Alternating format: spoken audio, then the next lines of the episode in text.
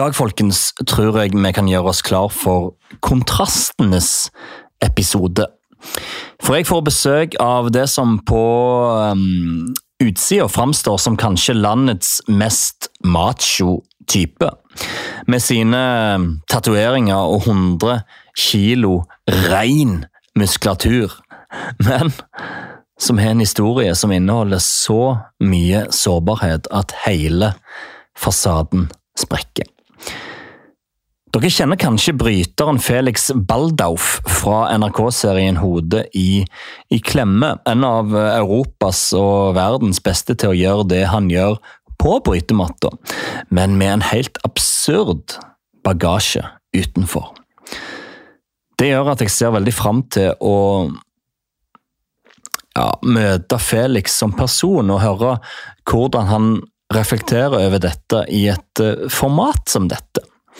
Vi skal snakke om idrett, om uh, OL-drømmer og prestasjon. Uh, men jeg har en følelse av at det blir vel så mye prat om hvordan en svært tøff historie utenfor idretten har gjort Felix til nettopp den han er. 0,1 tonn kraftplugg setter seg eh, straks i godstolen her hos meg. God fornøyelse.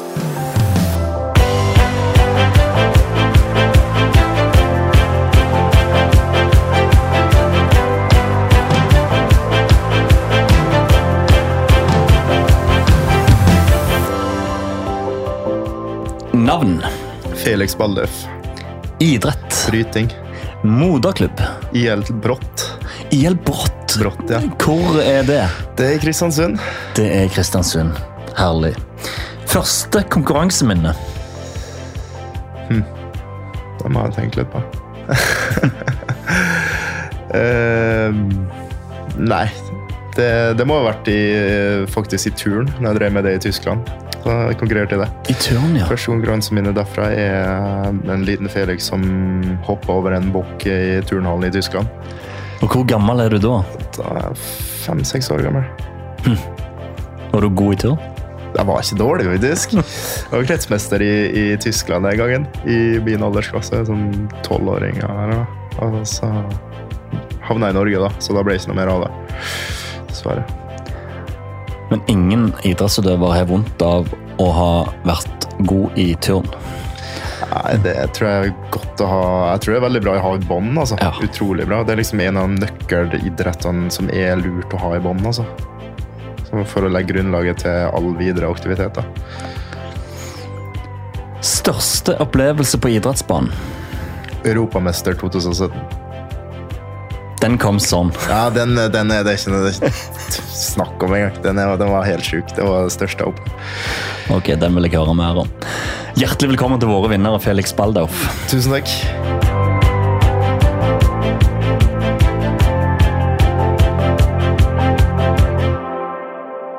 Deilig å ha deg her.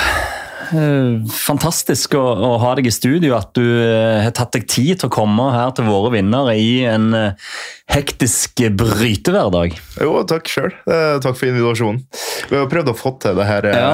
et par ganger nå, men det har liksom alltid kollidert med noe. Og så er man hjemme sjelden, så er det mye som skjer. og Kalenderen er liksom full, selv om man egentlig bare skal trene.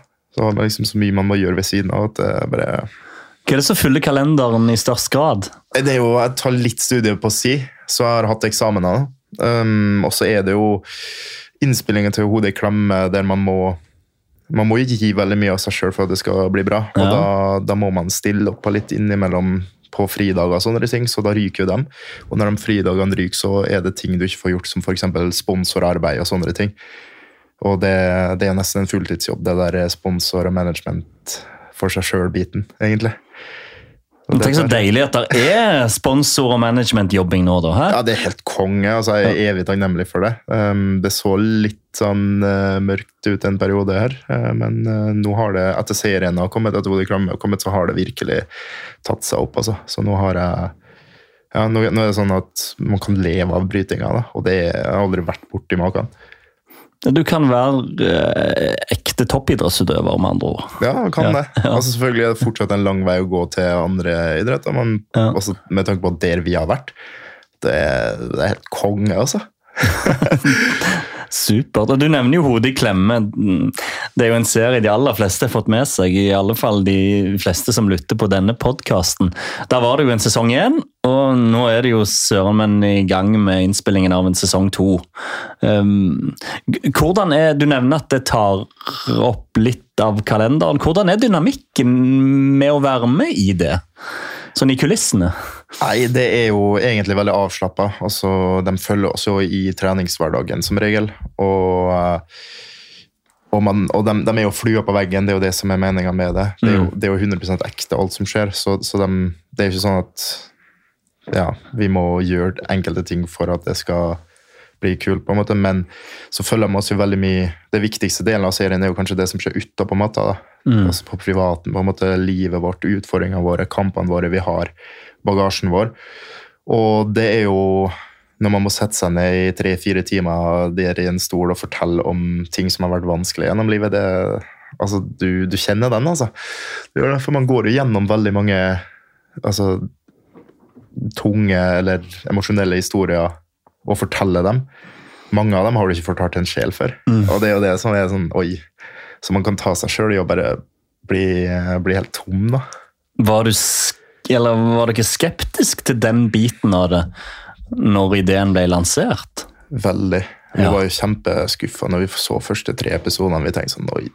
Vi, altså, vi sitter jo der med tårer i øynene og, og altså, det, Hvor er hardkjøret? Liksom, hvor er blod og svette? Men det er jo ikke det folk vil se. Så, så det, sånn, det har vokst så veldig på oss. da, så, så ja. nå er, altså, Vi er utrolig fornøyde og glad for resultatet og hvordan det har blitt. Og jeg tror vi alle er glad for at vi har åpna oss som vi har gjort, for det har hjulpet oss veldig til å være mye mer åpne og ærlige mot hverandre og, utad. For dere ville ikke ha der i starten når dere var misfornøyd, dere ville ikke ha brutaliteten utenfor matta. Dere ville ha kjøret på matta, og ja. tenkte at det var på en måte det som skulle være innholdet. Vi trodde det var det som var kulest, men uh, det er jo ikke det folk vil se. Også, det er jo ingen som bryr seg om bryting sånn sett. Det, det, det folk har altså, altså, det folk bryr seg om nå, er jo, er jo oss og historiene våre. på en måte At, det, altså at vi lykkes ja, til tross for de utfordringene vi har. da. Og, og jeg tror det, det, er det som har vært nøkkelen til at det har blitt en suksess. da. At uh, vi har vært så åpne og ærlige, og at vi liksom skal være tøffe brytere og macho og store muskler og tatoveringer, men innerst inne så så har vi jo følelser og sitter med tårer i øynene en onsdag, vi òg, fordi vi har det mm. tungt. Og det er viktig å dele det, da. Jeg digger, jeg digger jo serien, jeg har sett alle episodene. Og det jeg tror det handler om, det er at vi får muligheten til å bli glad i dere. Vi får muligheten til å bli kjent med dere, og det gjør både altså Det er interessant å høre disse historiene, og så blir det, gir det en ekstra verdi til de øyeblikkene vi ser dere på matta. Mm. grunn at vi har fått muligheten til å eh, bli kjent med, med, den dere er. Og Det gjør selve brytekampen enda mer interessant. Ja, det gjør vi kanskje det. Og det er sånn Man, man unner da at, at vi lykkes, da. Ja. Altså, man unner oss det, på en måte, fordi man, man ser hvor hardt vi jobber, og at vi har vært gjennom idrett, vi òg, for det har jo folk flest. Og det er, sånn, det er så lett å sitte hjemme, hjemme i sofaen og se på idrettsprestasjoner og si shit, det var dårlig, eller det var ræva, eller herregud, eller han har altså, Idrettsutøvere de har det for lett. De koser seg bare, liksom. Men det er ofte så mye som ligger bak, da, som man aldri ser. Og pga. serien så får du liksom et innblikk i hvordan ting egentlig er. da. Mm. For det er ikke bare vi som har det sånn som brytere. Altså, det er jo sånn generelt sånn at idrettsutøvere i sommeridrett i Norge har utrolig tunge rammebetingelser med tanke på det økonomiske og, og, og støtte ofte. da. Mm. Altså man, man, må liksom ha en altså ha en, en, familie som støtter, eller en klubb som støtter, eller gode sponsorer som støtter. Hvis ikke så, så er det mulig å lykkes, for du får jo Man har jo ingen lønn. Man må liksom få alt til å gå rundt sjøl, da. Så det, det er ikke en lek. Nei, og det å legge sjela si ned i noe, og ha dette dunkende liggende i bakhodet i tillegg altså jeg hadde, jeg, Når du snakker om det, så tenker jeg på Jeg hadde Kjetil Borch, roeren, i, ja, ja. i, i studio her. Som, eh, og roing i Norge er litt på samme hylle og sånt. Ja. Eh, det legges ned en vanvittig jobb, men det er ikke noe sikkerhetsnett økonomisk. Og han snakket om hvordan det påvirker han da, eh, og hans mentale helse. Eh, og var veldig åpen på det, eh, og snakket om hvordan tabuet rundt å være åpen rundt akkurat disse tingene for, for idrettsutøvere. Ja, det er tungt. Altså, det er jo altså, Man er jo hele tida avhengig av å levere resultater. Og selv om man leverer de resultatene, så får man jo man får ikke den oppmerksomheten de største altså si fotball, håndball eller vinterutøverne våre gjør. Mm. Så, så vi, man må liksom hele tida krige om den oppmerksomheten òg, da. Og det økonomiske er jo en stor altså Hvis man må leve fra hånd til munn hele tida i tillegg til å måtte prestere, så, så, er det en ekstra utfordring. Så det, en, det at vi har fått den NRK-serien, har jo altså, det har jo forandra alt, så å si. I hvert fall for oss som er i fokus. da. Og det ja, er evig takknemlig for det. Ja, det er fortjent. Og kult. Men Felix, hvordan, eh, hvordan har du det nå? Hvordan går det? Nei, Det går veldig bra, må jeg si. Um, det er veldig mange brikker for min del som har falt på plass, som gjør at jeg kan gå all in og satse, på, og satse mot OL i Paris om to år. Så altså Det går jo egentlig på skinner, det gjør jo det. Også for, for, for, I hvert fall fra mitt uh, mm. I hvert fall for, i, i, forhold til det jeg er vant til. da. Jeg er vant til å alltid gå på noe, altså alltid få noe smeller i trynet da, hele livet. på en måte. Og nå liksom det går veldig, veldig bra i lange perioder. da. Jeg får trent ordentlig, jeg får gjort jobben. Jeg trenger ikke bekymre meg for økonomien, for jeg har fått gode sponsorer. Altså det, det er Jeg, kjempe, jeg føler meg kjempeheldig, og jeg kan kun fokusere på brytinga. Og det Ja, det setter jeg veldig pris på. Men selvfølgelig, det er jo, det er jo, altså det er tunge dager, selv om. Altså, bryting er jo, det er jo hardt, men det er, sånn, det er ikke noe utenom som, som, som er tungt nå, og det, det, er deilig. Hvordan er dagene dine? Eh, dagen starter seks. Da står jeg opp, og så går jeg ut, tar en, tar en liten jogg og litt yoga, og så spiser frokost, og så reiser jeg til trening, bryter økt klokka ni. Og så har jeg så lang reisevei fra Kringsjå til Lambertseter at jeg blir bare i brytelokalet og ligger der på matta mellom øktene. Gjør litt skole eller jobber litt med, med, med sponsorarbeid eller et eller annet. Så, eller jeg er heldig. Og så mm. er det ny økt klokka tre. Og så er jeg hjemme i sekstida på kvelden. Så det er en sånn tolvtimersdag, og så har jeg, har jeg, kvelden til å slappe av, og så starter dagen tidlig på etterpå igjen. Så det er hverdagen i, i Oslo, da. Ja.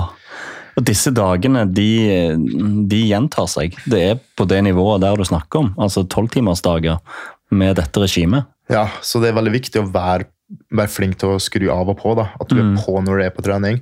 Men veldig viktig at du klarer å slappe av og slå, slå av det der, det, og så komme deg ut av den bobla mellom øktene. Hvis ikke blir du, blir du helt utbrent. Også. Så det er liksom sånn av og på hele tida. Så det er viktig å få slappe av litt i det hele, da, selv om det er vanskelig. ja, det vil jeg tro. Men det, apropos den serien, så har vi jo sett litt hvordan dere jobber. Men hvordan er, det, eh, hvordan er dynamikken i, i, treningen stort sett? Det er, jo, det er jo fritt som blåser i fløyta og, har, eh, og, og holder økten. Og da er det, da er det fullt kjør. Mm. Og gjør ikke vi jobben, så får vi høre det. Det er klart. Så han er, veldig, han er, veldig, bevisst på at vi skal gjøre jobben hele tida. Og vi er veldig bevisst på å gjøre jobben hele tida. Vi er jo ikke der for å bli trent, vi er jo der for å trene mm. i utgangspunktet. Og ja, vi har et utrolig bra lag nå. Og vi, vi innadlaget er det. Altså, det er god stemning. Alle, egentlig, alle, er egentlig veldig dedikert til å nå målene sine. Så, men selvfølgelig, det går jo opp og ned som med alt, da. Men uh, det det er en fin hverdag, altså. Det er det. En fin gjeng, og det, det blir som en familie, da. Så det er veldig, veldig sånn god gjeng, da. Så det er jo som å være på en lang guttetur. ja, det kan jeg se for meg. Du nevner Du, du, du sier vi, du sier lag, du sier familie. Eh, I hvor stor grad er dette et vi, og i hvor stor grad er det individet Felix som går på trening? Det er jo, altså, når jeg står opp om morgenen, så er det jo da er det meg. Altså, jeg fokuserer kun på meg sjøl og, og, hva jeg skal gjøre ut av dagen. Men det er viktig at når vi er på bryteøktene, at vi bygger hverandre opp. Når du ser en av gutta har en tung dag, at du, i, altså, at du back, altså Vi må backe, da. Vi må, vi må bygge hverandre opp. Er det noen som har en tung dag, så må vi være litt ekstra på å pushe den personen, eller bygge den personen opp. Så, så når jeg har en dårlig dag, så gjør gutta det samme for meg, da. Og det er liksom noe som man må lære når man går inn i en, en sånn gruppe som det der. For uh, oftest når man kommer inn, så er det sånn at man har kun vært vant til å være en stjerne hjemme i klubben, hjemme i moderklubben, ikke sant. Der alt har vært tilrettelagt for deg, og alt har handla om deg. Mens nå blir det bare én av, en av mange. Som, så som Fritz og Stig bruker å si, det fins ingen stjerner på landslaget. Fordi vi er, vi er, et lag. Selv om det er en individuell idrett, så, så er vi utrolig på det lagfølelsen. Mm. For vi hadde, ingen av oss hadde lyktes uh, eller tatt noen medaljer om ikke vi hadde vært det laget vi er. Det hadde vi ikke. Og det er, sånn, det er fort at det blir tatt for gitt, da, egentlig. Mm. Og jeg har jo jeg har måttet ha satt det litt til side for å ha satt meg sjøl først i perioder, òg, med tanke på hvordan livet mitt har vært. Og det er kanskje det man ser i den første sesongen av Hodet i klemme, at jeg går litt min egen vei. Men um, det er jo ikke noe jeg angrer på. Det er det som var eh, riktig å gjøre på, med tanke på min mentale helse og min livssituasjon akkurat der og da. Sånn at um, da var jeg liksom veldig fokusert på at jeg, måtte, oi, at jeg måtte gjøre det som var best for meg sjøl. Og, og, jeg prioriterte liksom ikke laget og gutta. da. Selvfølgelig jeg angrer på at jeg ikke prioriterte men det var, det var helt riktig valg der og da. da. Men nå er jeg jo, nå er jeg jo tilbake, og ja. Jeg har lagt de utfordringene bak meg, så jeg er utrolig glad for det. Men Hvordan er den balansegangen der, når en er på et mørkt sted, som du åpenbart var, eh, med å gå i seg sjøl, fokusere på seg sjøl, og det å kunne hente energi fra andre rundt seg. Ja, Det er hårfin balanse, altså. Mm. Det er det. For um, når du er på et så mørkt sted, så kommer du altså, Jeg har ikke tellinga på hvor ofte, jeg, hvor ofte jeg i den perioden, det året, da, har gått inn i brytelokalet, og jeg burde ikke ha vært i det hele tatt. ikke sant? Står opp om morgenen, kroppen er vond, um, jeg er nedfor, er deprimert, går på bryte, bryteøkta, har ingen grunn til å være der, har ikke lyst til å være der og bare tar med meg negativ energi inn på treninga. At det påvirker alle rundt. Man merker veldig fort når noen har en dårlig dag eh, i en sånn gruppe. Det preger alle, liksom. Og da er det sånn, man legger utrolig fort merke til det. Og det er, ja, det er viktig å, å være veldig obs på det sjøl, da. Sånn at du, selv om du har det kjipt, at du klarer å gå inn og bidra med positiv energi. Hvis ikke er det ikke vits å være på treninga. Faktisk. Hm. Men før du, før du havna på dette stedet du beskriver nå, så opplevde du jo karrierens høydepunkt. I 2017, som ja. du snakket om i, i starten av, av podkasten her. Som du sa var det definitive høydepunktet i karrieren så langt, og du ble europamester i 2017. Hvorfor var det så sterkt? Hvorfor var det så stort for deg? Jeg hadde jo um, hatt en ganske trøblete oppvekst med, med, en far som stakk da jeg var veldig ung, og en mor som har slitt med alkohol. Sånn at jeg har hele tida stått veldig alene oppi ting.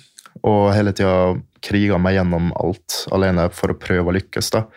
Så, så når, jeg, når, jeg, klarte å etablere meg Først vant jeg EM for U21, og så tre år senere gikk jeg til å vinne EM for senior, som er ganske Ja, det det er utrolig nivåforskjell på det. da. Mm. Og det var på en måte, Jeg følte at jeg endelig fikk lønn for de, alle de kampene jeg har vært gjennom. For det, altså, det er mer enn én en gang at jeg har vurdert å bare slenge skoene i hjørnet og, og drite i brytinga. Mm. Så, så, det, sånn, det, det, betydde så mye å ta, ta det gullet, da. Um, og så, så, var det jo sånn at jeg fikk endelig vist alle at uh, jeg ikke bare prata om å lykkes, men at jeg faktisk klarte å gjøre det. da. Og det var utrolig deilig. Og så fikk jeg liksom den respekten og anerkjennelsen jeg alltid har jobba for. For jeg la jo ned enormt mye arbeid. Men um, det gikk jo, så, så, det gikk jo på skinnet i, i, et halvt år der. Og så Ja, det gikk alltid skitt. Så jeg hadde en sånn utrolig fallhøyde da, fra å vinne EM, ranka nummer to i verden, og liksom Alt lå til rette for at jeg, det bare skulle gå hele veien mot OL-gull i 2020. Men det var ingenting av det som skjedde. Så, så det, det, var en utrolig fallhøyde fra å være på, følt på toppen av verden da, til å ramle helt i kjelleren. Så, hadde en, så jeg hadde jo fort tre-fire år i, i, helvete der frem til der jeg er nå, da. Fy søren, for noen kontraster, da. Ja, det er helt sykt. Setter ting veldig i perspektiv. Det gjør det. Man får liksom smakt på både det å lykkes og det å ha liksom alt man har drømt å jobbe for. Og par, par, måneder etterpå så står du med dritt opp til halsen igjen. ikke sant? Så du får liksom får virkelig prøvd deg sjøl.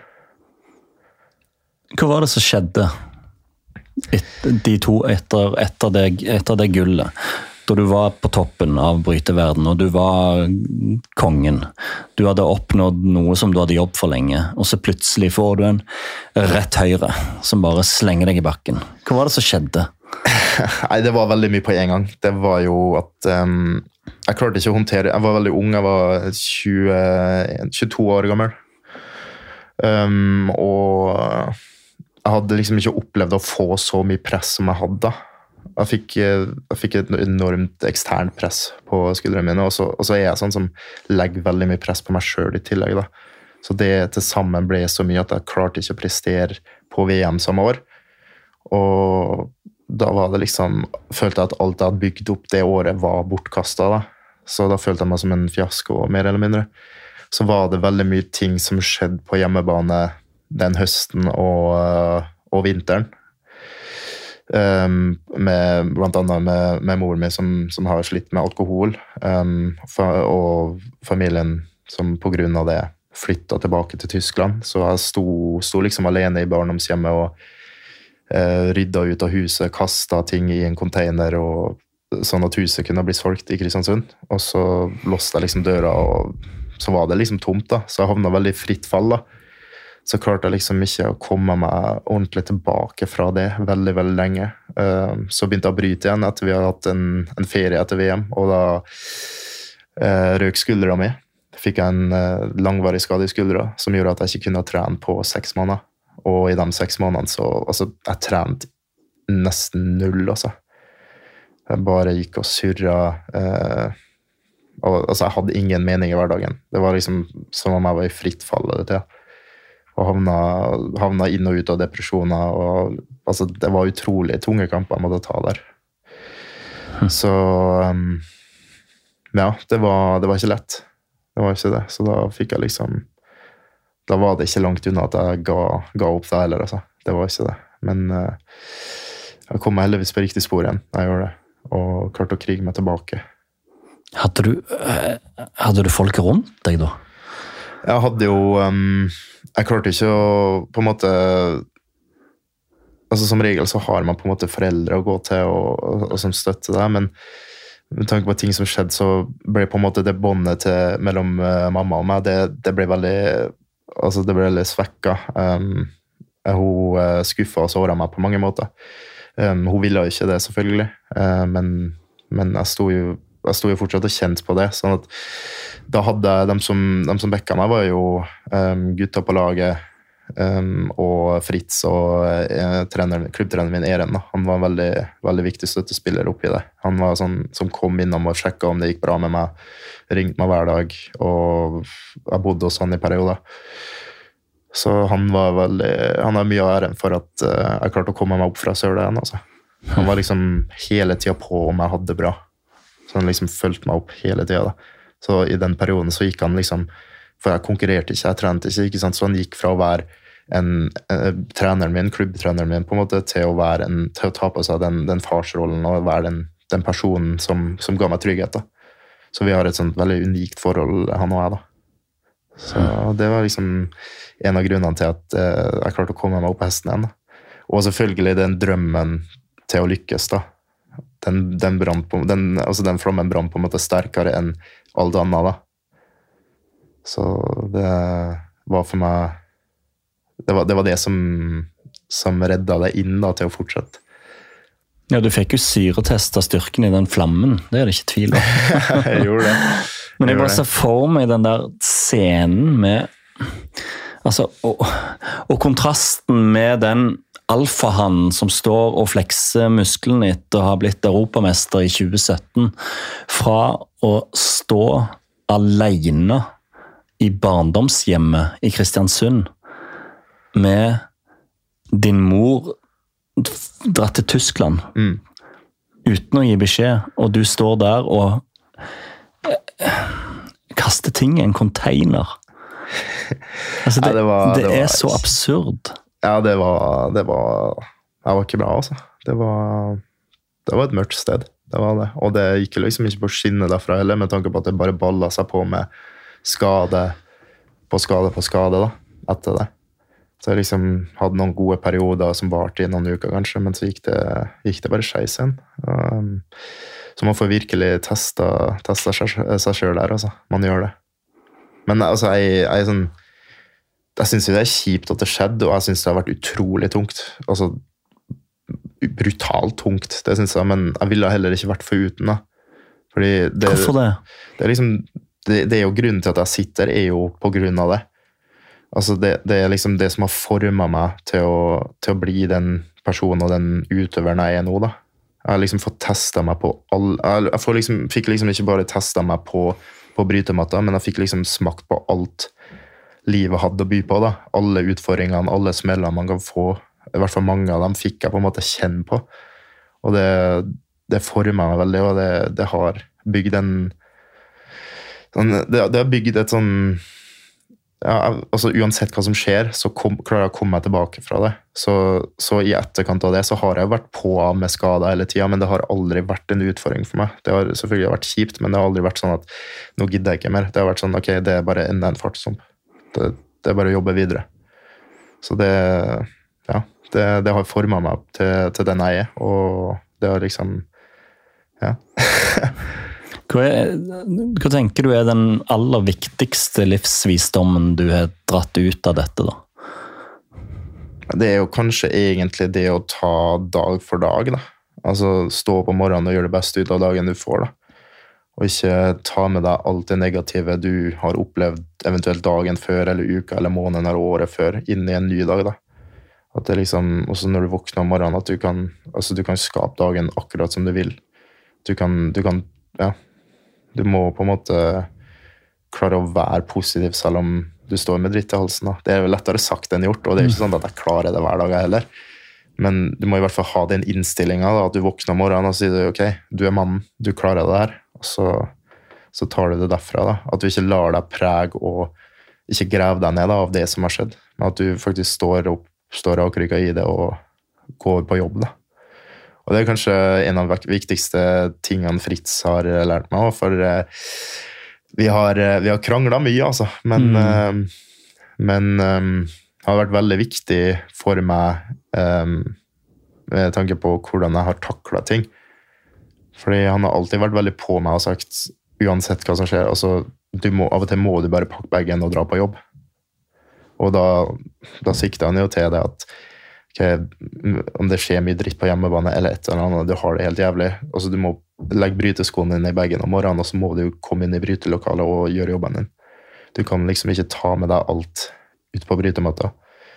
Og det er jo der Stig har vært enorm. da. Han har alltid klart å legge igjen alt i garderoben, gjort jobben på brytematta. Og så når han har kommet ut av brytelokalet, så har han på en måte møtt de problemene igjen. da. Men når han har vært på trening, da, så har han kun fokusert på det. Og jeg tror det er det som er den største utfordringa for veldig mange utøvere. At du ikke klarer å slå av alt som skjer rundt deg, og alt som skjer i livet ditt. At du drar det med deg inn i treninga, at du drar med deg negativitet og, og tunge, tunge tanker inn i treninga, og så brenner du ut psyken din på det på trening, og du, f- du får ikke fokusert på treninga. hadde mentaltrener eh, som nå er i oljefondet, Anders Mæland, som òg er knytta til Olympiatoppen, som snakket om dette med at de beste prestasjonene skjer kun når du klarer å være 100 til stede. Og her er det mange forstyrrelser som kan sørge for at en ikke er eh, 10 til stede engang. Ja, ja. sant? Og det å klare å, å, å stenge det ute, da. Ja. Var det, har det vært vanskelig?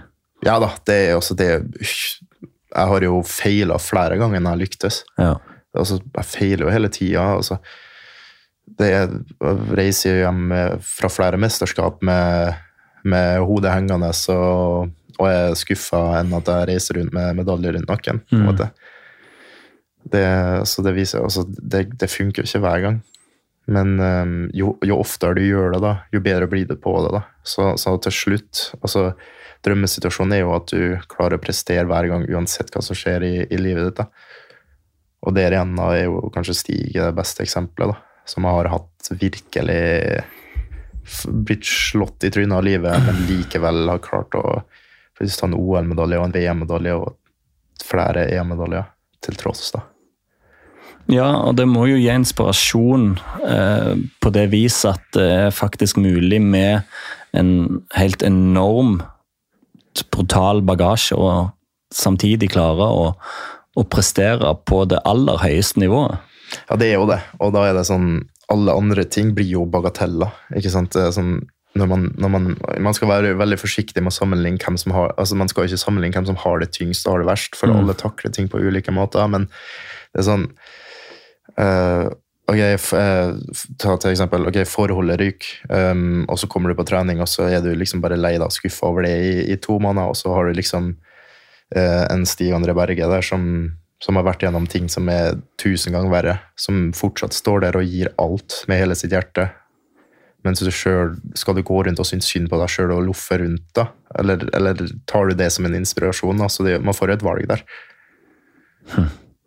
Ja, det setter ting i et perspektiv. Det gjør det. Og det trenger vi alle, hver og en, ganske ofte i livet. Det gjør det. Vi tør eller vil innrømme det eller ikke. Sånn er det bare. Det er det. Så blir jeg jo nysgjerrig da på hvordan i huleste du havner dit at du ender opp i barndomshjemmet alene og hiver ting i en container. Altså, Du nevner jo turn i Tyskland som ditt første konkurranseminne.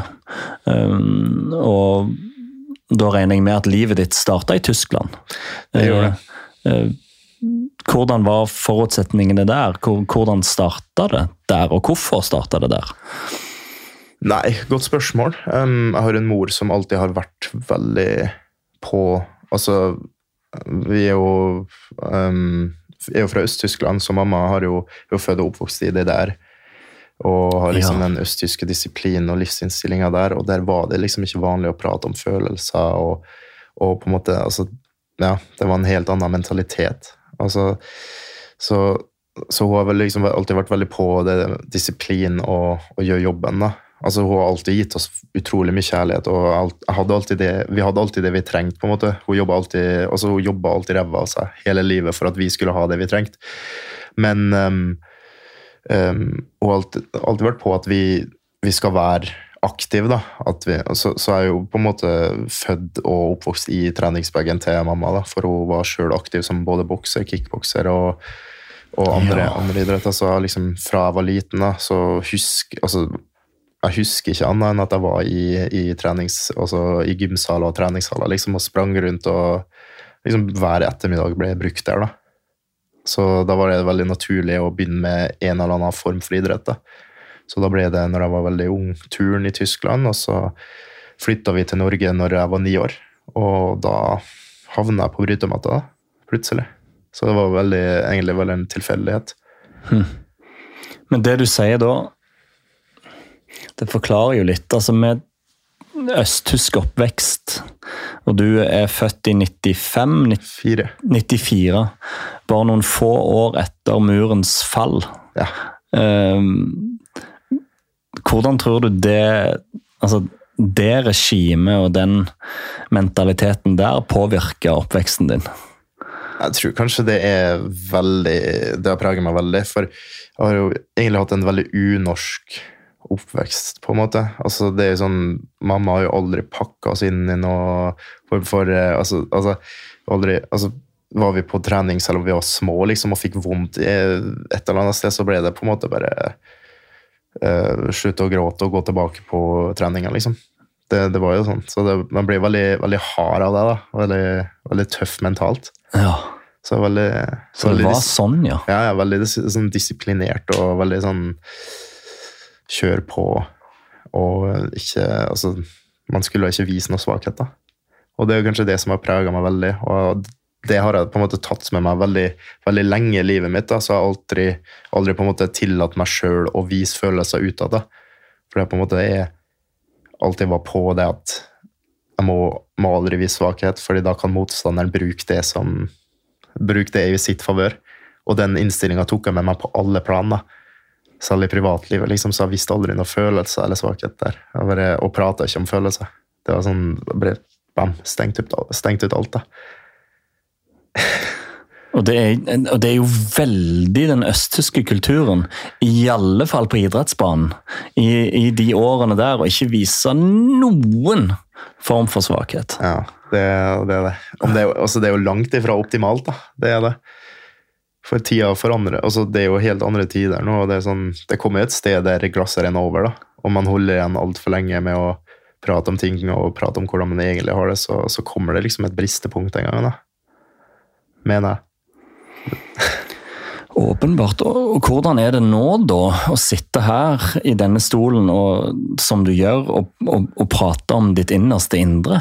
Det, jeg synes jeg har blitt, altså det, er, det er utrolig lett for meg. Det er ja. det som er kanskje merkelig. For første gang jeg har fortalt om hvordan jeg egentlig altså Jeg var jo 24 år første gang der jeg prata om hvordan jeg egentlig hadde, fordi jeg hele tida hadde holdt igjen. så så, så som jeg sier, da, det kom liksom et bristepunkt der altså livet mitt var bare så ut som det var bare shit. Alt rakna. Og da på en måte brøyt jeg sammen emosjonelt òg, da. Og begynte å åpne meg og prate om ting. Og, og liksom bare ringte mine beste kompiser um, og treneren min Eren. Og jeg sa faen, altså Jeg har det, altså, det Og fortar ting som de var, da. Men det, det, var ikke sånn at jeg kunne snakke om det med hvem som helst, eller generelt uttale meg om hvordan jeg hadde det. Var, det, det var liksom en lengre reise, da. Så den, det at jeg forteller historien min på, på altså i Hodet i klemme-serien, det er liksom altså Der forteller jeg ting som jeg ikke har fortalt til mange av mine nærmeste kompiser engang. Foran et rullende kamera, liksom. Og det, det har på en måte merkelig nok vært en slags terapi for meg, for å bare jeg har alltid alltid vært redd for å vise følelser og, og, alltid vært redd for at jeg skal bli dømt pga. noe. Eller alltid vært redd for å altså, Eller flau, da. Jeg har egentlig mest vært flau over å fortelle hvordan ting har vært. og hvordan, hvordan Hva er det du har vært mest flau over, da? Det og det er liksom altså aldri, Jeg hadde aldri penger. Um, mamma som, som, slet med alkohol. En far som uh, dro fra oss når jeg var fem-seks år gammel. Han liksom, gjorde det, ja? Ja. Så, så, det er liksom det er alt, altså, Jeg fikk hele tida se folk rundt meg. i hvert fall, Jeg merka det veldig godt når jeg flytta til Norge. da, at det, liksom, det var så tilsynelatende Alle hadde det tilsynelatende så bra. da, og det var sånn altså, de, de, ja, Det virka som om folk hadde det så bra, da, og så hadde jeg det liksom ikke sånn. da, og det var sånn jeg, ja, jeg ville jo ha det sånn, jeg òg, så jeg sa jo bare at alt var fint. da. Så, men ja, men det er jo ikke sånn realiteten er. Altså, alle har jo, har jo, noe de sliter med, og alle har sine kamper. Da. Så ting er jo veldig bygd opp på, eh, på en måte ja, Ting er jo veldig fasade, da. Har jeg merka. Veldig. Jeg merka. Så, så, så, når jeg fortalte en hele, historien min om oppveksten min, og hva som har skjedd på, på, på et rullende TV-kamera, liksom, da følte jeg bare at nå legger jeg alt ut der, så at alle kan se det. Og og da, liksom, da, kan det på en måte ikke skade meg mer. da. Så da følte jeg på mange måter at jeg gjorde meg sjøl skuddsikker. da. Og det ja, Etter det så har det bare ikke vært noe problem. Altså, jeg kan prate om hva som helst, liksom. Og det, så, så, så, det har gitt meg utrolig mye. Det har det, altså. Jeg har blitt en helt ny person, egentlig. Hvordan da? Jeg har det, altså, har jeg det dritt, så kan jeg prate om det. Er det noe som er tungt, så kan jeg prate om det. Og så Så jeg trenger, jeg trenger liksom ikke å holde igjen noe. da. Og for det har vært en utrolig energilekkasje hele tida. Og, og, hele tida måtte lyge om hvordan man hadde, og late som om alt var bra. Så når jeg, når, man, når jeg, la fra meg alt det der, så var det på en måte som å, altså Jeg la fra meg så mye vekt fra skuldrene mine da, at det var, jeg bare følte meg så mye lettere og, og bedre etter det. da. Så det, det har vært en Altså, det har vært en utrolig givende, emosjonell reise jeg har vært gjennom der, altså. Så det har vært, uh, det har vært skikkelig, skikkelig kult. Og, og tungt, selvfølgelig. Ja, for det vil jeg òg tro. For vi har, jo allerede, vi har jo snakket mye om kontraster her, og det er jo en en stor kontrast med det beistet som sitter i stolen her på, med 100 kilo muskler. Eh, og det macho-uttrykket eh, du og ditt segment står for. Eh, og så tar du det helt ned. Stripper deg. Eh, helt naken. Og da snakker jeg ikke om et Instagram-bilde der han står og viser muskler, da snakker jeg om emosjoner. sant? Det er noen, eh, det er noen sprø kontraster her, men det er veldig fint å høre deg eh, reflektere over det på den måten, for det er tydelig at det har gitt deg noe. Det har det. Det har gitt meg utrolig mye. Det har det. Og um, det som jeg syns har vært best med det, kanskje, er den responsen og tilbakemeldinga jeg har fått på det. på en måte. Det er jo fort gjort at man er redd for å si ting fordi man tror at man skal få dritt tilbake, og at folk skal gjøre narr av deg, eller ja, et eller annet. da. I hvert fall når man går eh, ut med ting som betyr så mye for deg, da, og ting som faktisk er deg. Så man er veldig redd for å bli dømt. da. Um, men fått, altså, det har gitt så mye positive og varme tilbakemeldinger på, på det. og det, det, har vært tydelig at det har inspirert og hjulpet folk som er i samme eller lignende situasjon. da. Og det er liksom det som er målet med hele greia. da.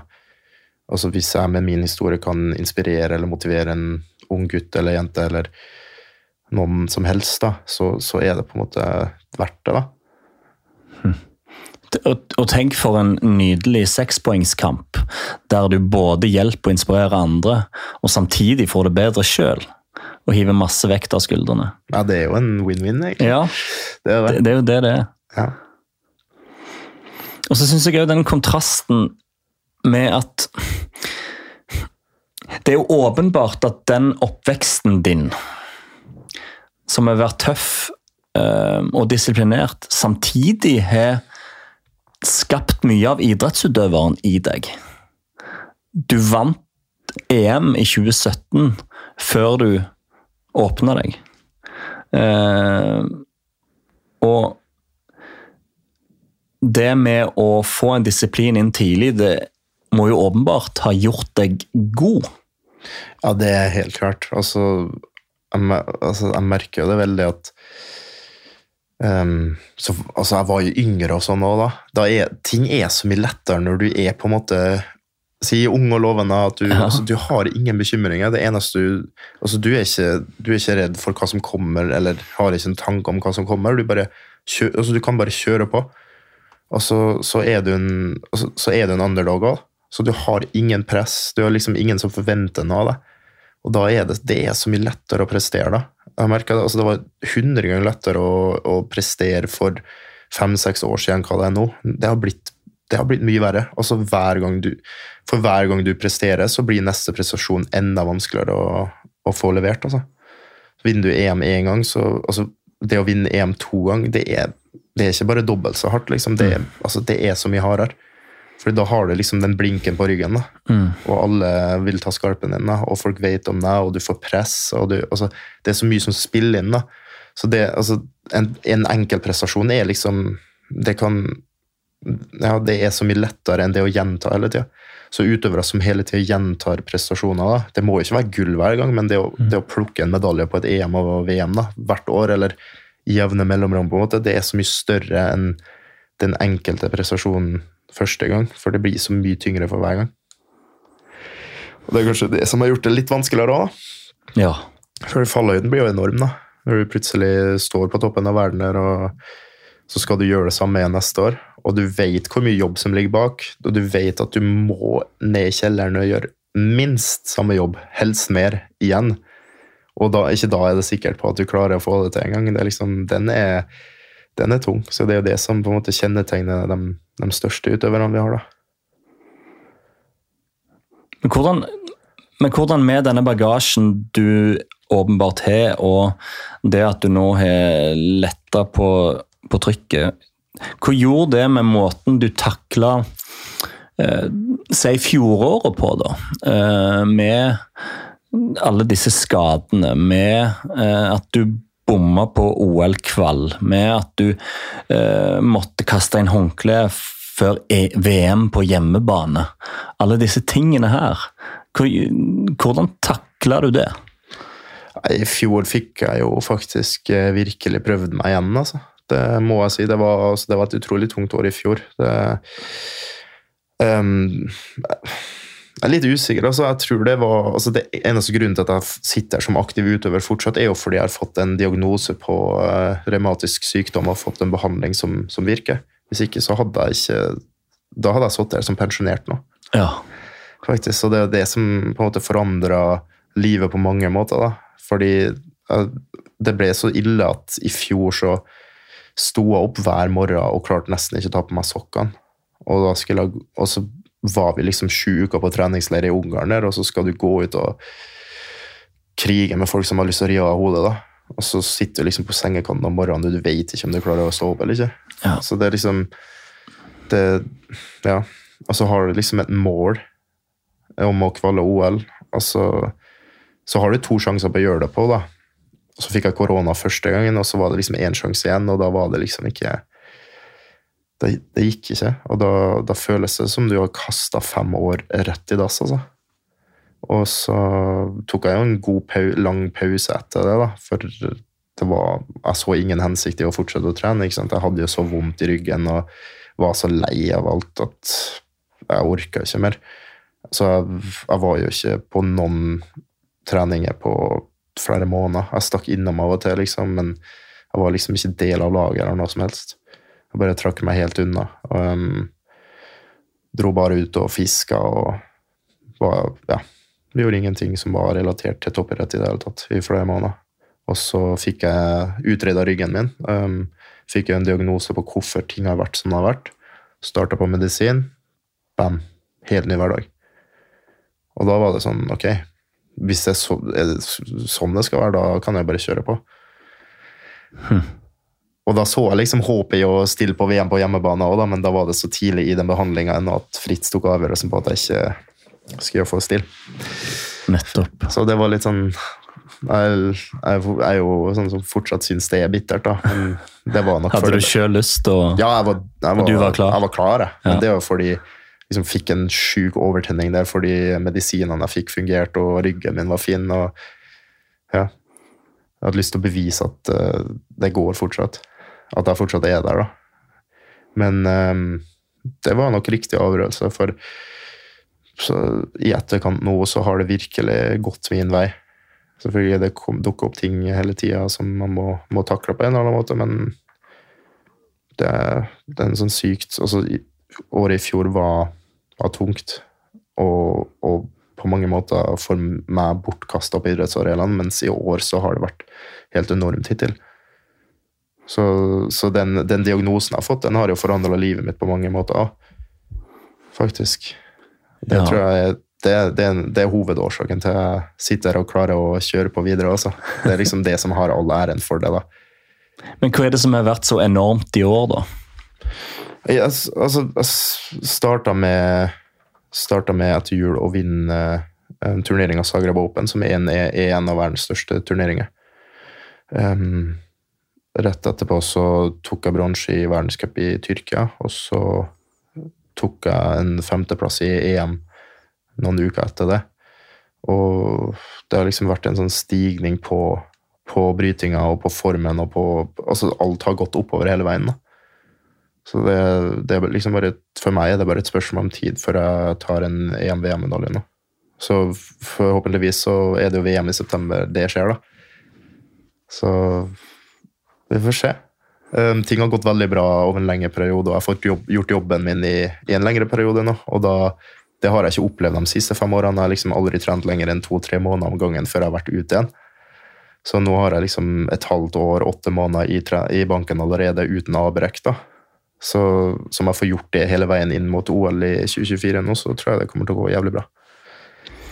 Vet du hva, Felix? Nå fikk jeg reaksjon i kroppen som forteller hele svaret på det vi starta å prate om. På grunn av at jeg nå har hørt deg fortelle om din reise, ditt liv, din motgang, så får jeg frysninger når du forteller om hvor bra det har gått i år. Og når du forteller om disse skinnene dette toget går på. Og om hvordan det gnistrer i øynene dine av det går sånn. Det gir meg frysninger pga. jeg kjenner til deg og jeg har fått prata med deg.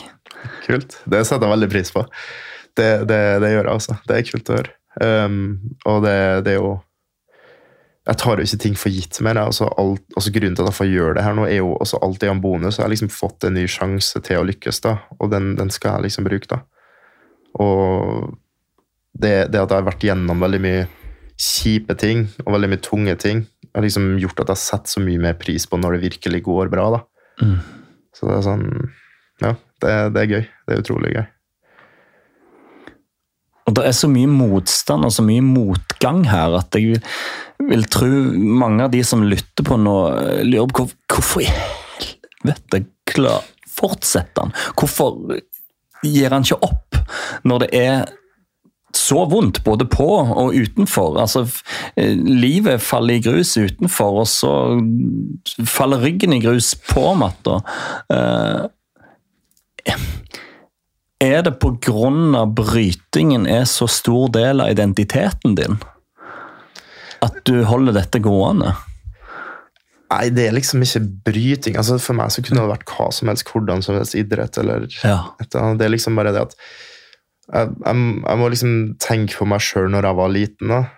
Altså, så hadde jeg liksom, altså jeg hadde aldri noen å se opp til, på en måte. Jeg hadde aldri noe, en mannlig rollemodell, på en måte. Jeg hadde aldri noe å se opp til, så jeg skulle liksom Jeg gjør det på en måte så veldig mye for yngre meg, da.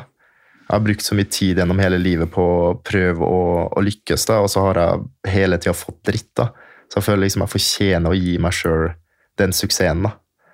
Og det det tror jeg er største, største grunnen til at jeg fortsatt holder på. da. Og så gjør jeg det veldig mye for familien min òg. Det gjør jeg.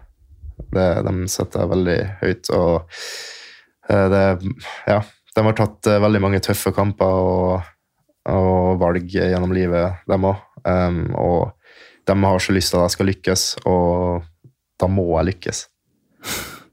Og Når du snakker om familien, hvem snakker du da om, og, og hvor er de i verden?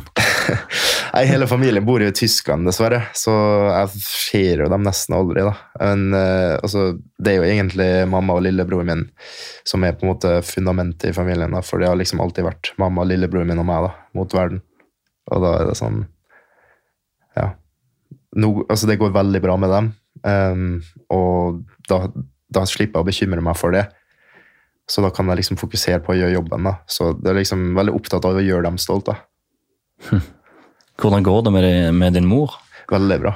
Jeg gjør det. Så hun har eh, tatt et oppgjør med seg sjøl og, og uh, avhengigheten og har kommet seg på beina og har hatt livet sitt uh, under kontroll i flere år nå og har fått en helt ny hverdag. Så det er jeg utrolig stolt over og glad for.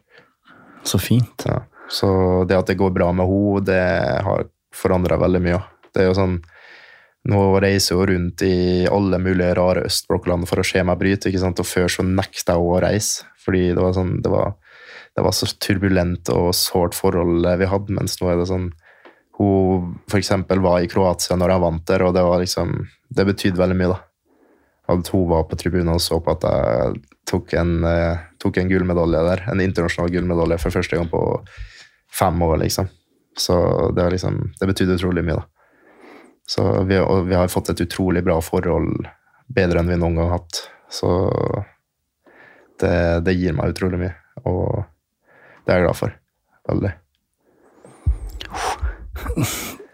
Tenk det da, Felix. Fire-fem fem år etter du sto alene i huset der i Kristiansund, da de hadde dratt uten din beskjed, og du var på bånn så er altså din mor og ser deg prestere på det høyeste nivået. Hæ? Ja, Det er helt sjukt, egentlig. Det er jo helt surrealistisk. Det kunne vært uh, bråstopp der. Det kunne det. Så det viser jo bare at altså, alt går over til slutt. da. Det er liksom Uansett hvor, hvor dypt man står i dritten, da, så kommer det liksom ut av det. da. Altså, Det er jo ingenting som varer evig. Selvfølgelig noen, noen utfordringer må du jo bære med deg resten av livet, på en måte, men du kan fortsatt gjøre det beste ut av ting. Da. Og det er jo det jeg snakka om, at du må liksom stå opp om morgenen og gjøre det beste ut av dagen hver dag. Da. Så jeg tror at siden jeg har gjort det, så, så har det liksom kommet hit. da. Så vi får, se hvor, får bare se hvor langt det går, altså. Men jeg tror det kan, jeg tror det kan bli jævlig bra. Hvis ikke hadde jeg ikke holdt på. Men, um, men det altså Ja. Vi får se hvor langt det går. Nå kjører jeg bare på, og så tar, tar jeg dag for dag, og så får vi. Du har i alle fall noen inderlige grunner til å, til å ville lykkes. Um, og en indre drivkraft som bare ligger tjukt utenpå deg. Um, men hva, hva er vyene? Hva er målene? Hva er tankene dine? Jeg har um, Jeg husker i, i 2017, da var liksom 2017-2018, når jeg hadde noen tøffe år der, så, så sto jeg liksom på scratch da, og følte at, følte at jeg hadde liksom jeg hadde, altså jeg var helt, jeg hadde nådd bunnen. da. Så satt jeg med og så skrev jeg liksom, skrev jeg fire punkt på en lapp. Da Da skrev jeg første punkt bli skadefri, andre punkt tilbake i form, som for meg betyr tilbake i verdenstoppen. Tredje punkt medalje EM-VM, og fjerde punkt OL i Tokyo. da. Så liksom, Jeg, kom, jeg kryssa de tre første punktene på en liste her, og så måtte jeg jo ta en U-sving fra OL i Tokyo fordi det ikke, det ikke gikk. Så, så det er liksom Ja, starta på nytt der nå, da, men jeg er ikke skada, så det er liksom Neste punkt er jo medalje EM-VM og så OL Paris, da. Så det er jo det. Og målet i år har vel vært å være topp fem i både EM og VM. Eh, topp fem i EM klarte jeg. Og da hadde jeg bare vært tilbake i trening i fire-fem måneder. Så når man får gjort jobben helt inn til VM nå, så er jo målet selvfølgelig å ta medalje. Men den største drømmen er jo OL-medalje i Paris, da. Og det er jo der alt skal Altså alt jeg gjør nå, skal gå opp til, til at det ender i en eh, OL-medalje i Paris da, om to år. Så det er liksom det som hver dag, uansett om det går dritt eller bra på, på en dag, så det som skjer på den dagen, skal ligge til grunn for at jeg tar en OL-medalje om to år. Hvordan, hvordan, er det å forholde seg til at alt en gjør, alle detaljer, alle disse tolvtimersdagene du beskrev i starten av podden, at alt det handler om noen helt avgjørende dager sommeren 2024? Det er, kjempe, det er kjemperart. Det er sånn, jeg, kan ikke, jeg, kan jo ikke tenke på det, Selv om det er målet, så kan jeg ikke tenke på det i hverdagen. Jeg må jo ta hver dag for dag og små milepæler hele veien. Det er jo det. Um, så der er, der er, jeg ganske flink til å ikke tenke så langt frem i tid. Mm. Det, det, gjør jeg ikke, så jeg tar liksom dag for dag og uke for uke. Men uh, jeg vet òg at når det er tunge perioder, at det har en hensikt. Og når det går dritt på trening i en lang periode for det er sliten, så har det en hensikt. Så det hjelper jo veldig på å tenke sånn på det. Hm. Med alt vi prater om nå i hodet hva tror du er den viktigste årsaken til at du er blitt så god? Til at du er i posisjon til å sitte og snakke om at du vil ta en medalje i OL? Mm, det er et godt spørsmål. Um, altså Jeg bare Jeg har liksom Nei, jeg, jeg har nesten ikke noe godt svar på det. Det er jo egentlig bare det at altså, jeg har vært gjennom ting som er så sinnssykt mye hardere enn det, å, det, enn det som skjer på brytematta. Liksom. At det som skjer på brytematta, det er, det er jo bare en lek til syvende og sist. Så, så, jeg tror at det er det som har, det som har gjort det, da. Mm. Egentlig. Og så har jeg, helt fra jeg var liten, alltid vært eh, opptatt av å gjøre jobben som kreves for å bli det beste. Så jeg har alltid vært opptatt av å gjøre mer, mer, mer enn alle konkurrentene mine.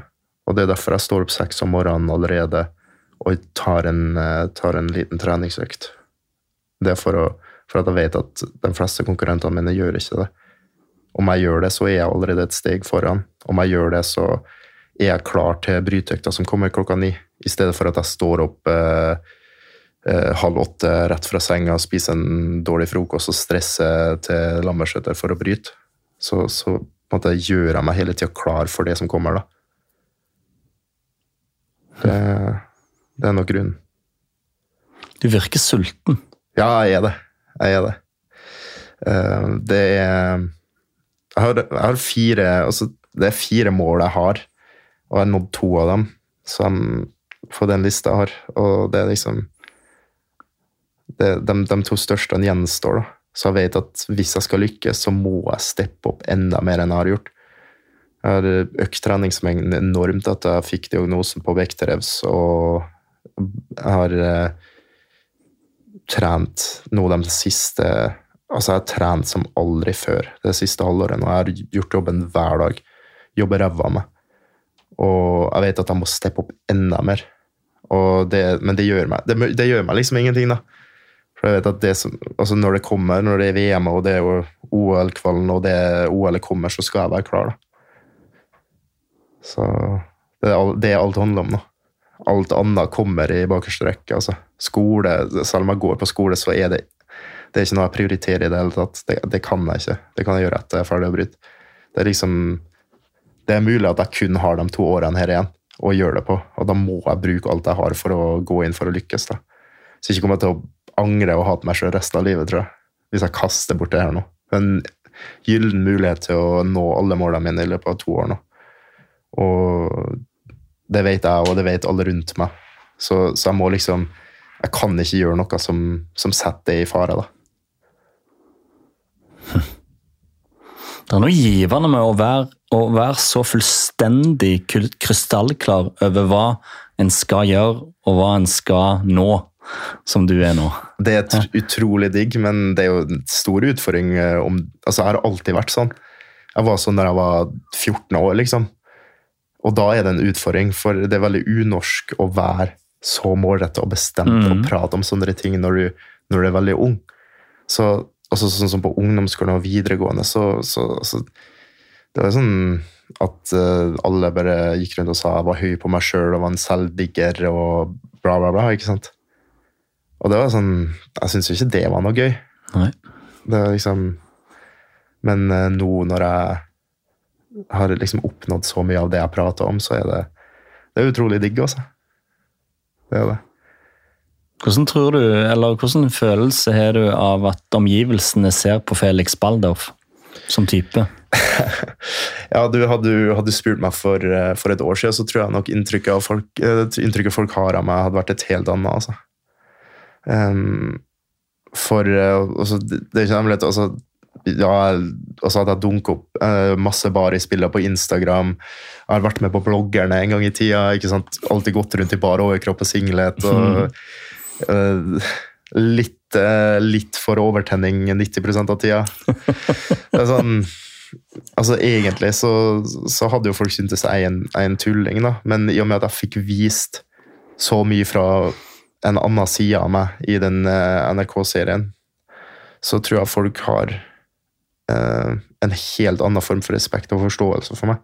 Og det er mange som har sendt meg melding i etterkant og sagt du er faktisk, altså Wow, du er faktisk en altså du er en bra fyr med gode verdier i bånn, på en måte. Som før hadde stempla meg som en tulling. da. Og det setter jeg veldig pris på. For jeg liker å tro at jeg er det. um, og ja. Uh, så jeg tror at jeg har fått en helt annen anerkjennelse og respekt uh, nå etter uh, jeg har delt så mye av meg sjøl enn det jeg hadde fått tidligere. Folk ser liksom hva som er bak eh, prestasjoner, og hva som ligger i bånn. For det, det som, som jeg sa tidligere, og det er utrolig lett å sitte i sofaen og dømme idrettsutøvere. Men til syvende og sist er det sånn at alle som stiller til start med flagget på brystet, fortjener respekt og anerkjennelse. For du vet aldri hva de har vært gjennom, hva som ligger bak jobben. Og, og som oftest så er de der til tross for ting, og ikke på grunn av ting. Så, så det er sånn ja, man skal være veldig, egentlig veldig forsiktig og uttale seg. Og det har jeg måttet lært sjøl, da. Altså, man, man, er jo alltid veldig rask til å dømme, da. Før man blir kjent med, med mennesker og hva som faktisk ligger bak. da. Og det gjelder jo egentlig alle. Alle tar jo seg sjøl i å gjøre det. Der er vi mennesker dårlige, altså. Ja, jeg er helt ræva. Men uh, det er jo sånn det har blitt, da. Så er det jo ja, det er mye som ligger til grunne for det òg, for alle viser jo kun sitt beste liv på sosiale medier, på en måte. Jeg gjør jo det sjøl. Mens altså, det er ikke så mange som er åpne og ærlige om hvordan de har det. da. Det er derfor de som er det, fortjener så stor respekt. da. Virkelig. Og du, Felix, fortjener masse respekt. Og du fortjener at eh, Folk ser på deg som den du er, og jeg skal selv innrømme at jeg så på deg som en annen fyr eh, før jeg så hodet i klemme, og til og med før jeg eh, prata med deg denne timen her. For det å, å møte deg, eh, det å få prate med deg på denne måten, eh, det gir et en ekstra dimensjon enn å bare se deg på, på skjermen. Og har fått mm, veldig forsterka eh, hvor mye som bor inni i den skallen og i den personen som sitter i den stolen. Og det har vært veldig fint. Tusen takk. Nei, det setter jeg veldig pris på. Det varmer utrolig mye. Ja, Så det er jeg glad for. Og tusen takk for at du tok deg tid eh, i en eh, hverdag der du prøver å optimalisere eh, bryting og dine drømmer og dine mål. Jo, vær så god. Det har ikke vært lett. Det var en grisøkt i morges, så jeg måtte jo sitte her i shorts og slippe seg. Så jeg måtte liksom krige meg hit. Men eh, jeg tenkte at nå, altså, nå må vi få gjort det her. Ja, eh, så Så, så det var gøy. tusen takk for det, og um, lykke til med, med alt du skal gjøre. Eh, og jeg tror din mor blir stolt når hun hører denne timen her òg. Jeg håper det. Jeg skal, ja. sende, jeg skal sende det til henne. i hvert fall. Ja, det må du gjøre. Tusen takk, Felix Baldoff. Takk for invitasjonen.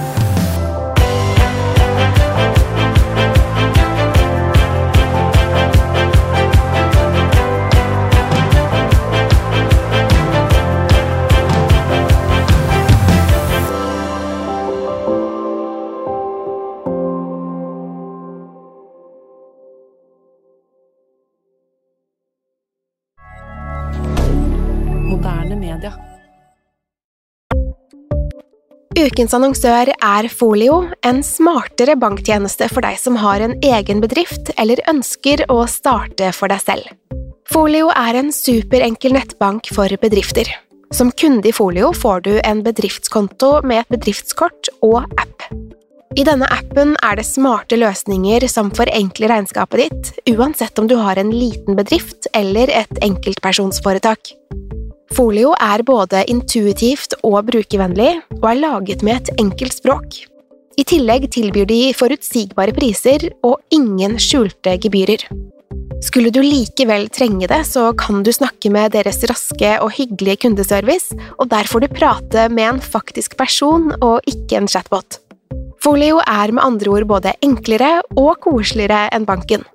Over 10 000 bedrifter har allerede valgt Folio som sin banktjeneste, så besøk folio.no og se hvordan Folio kan forenkle din hverdag også.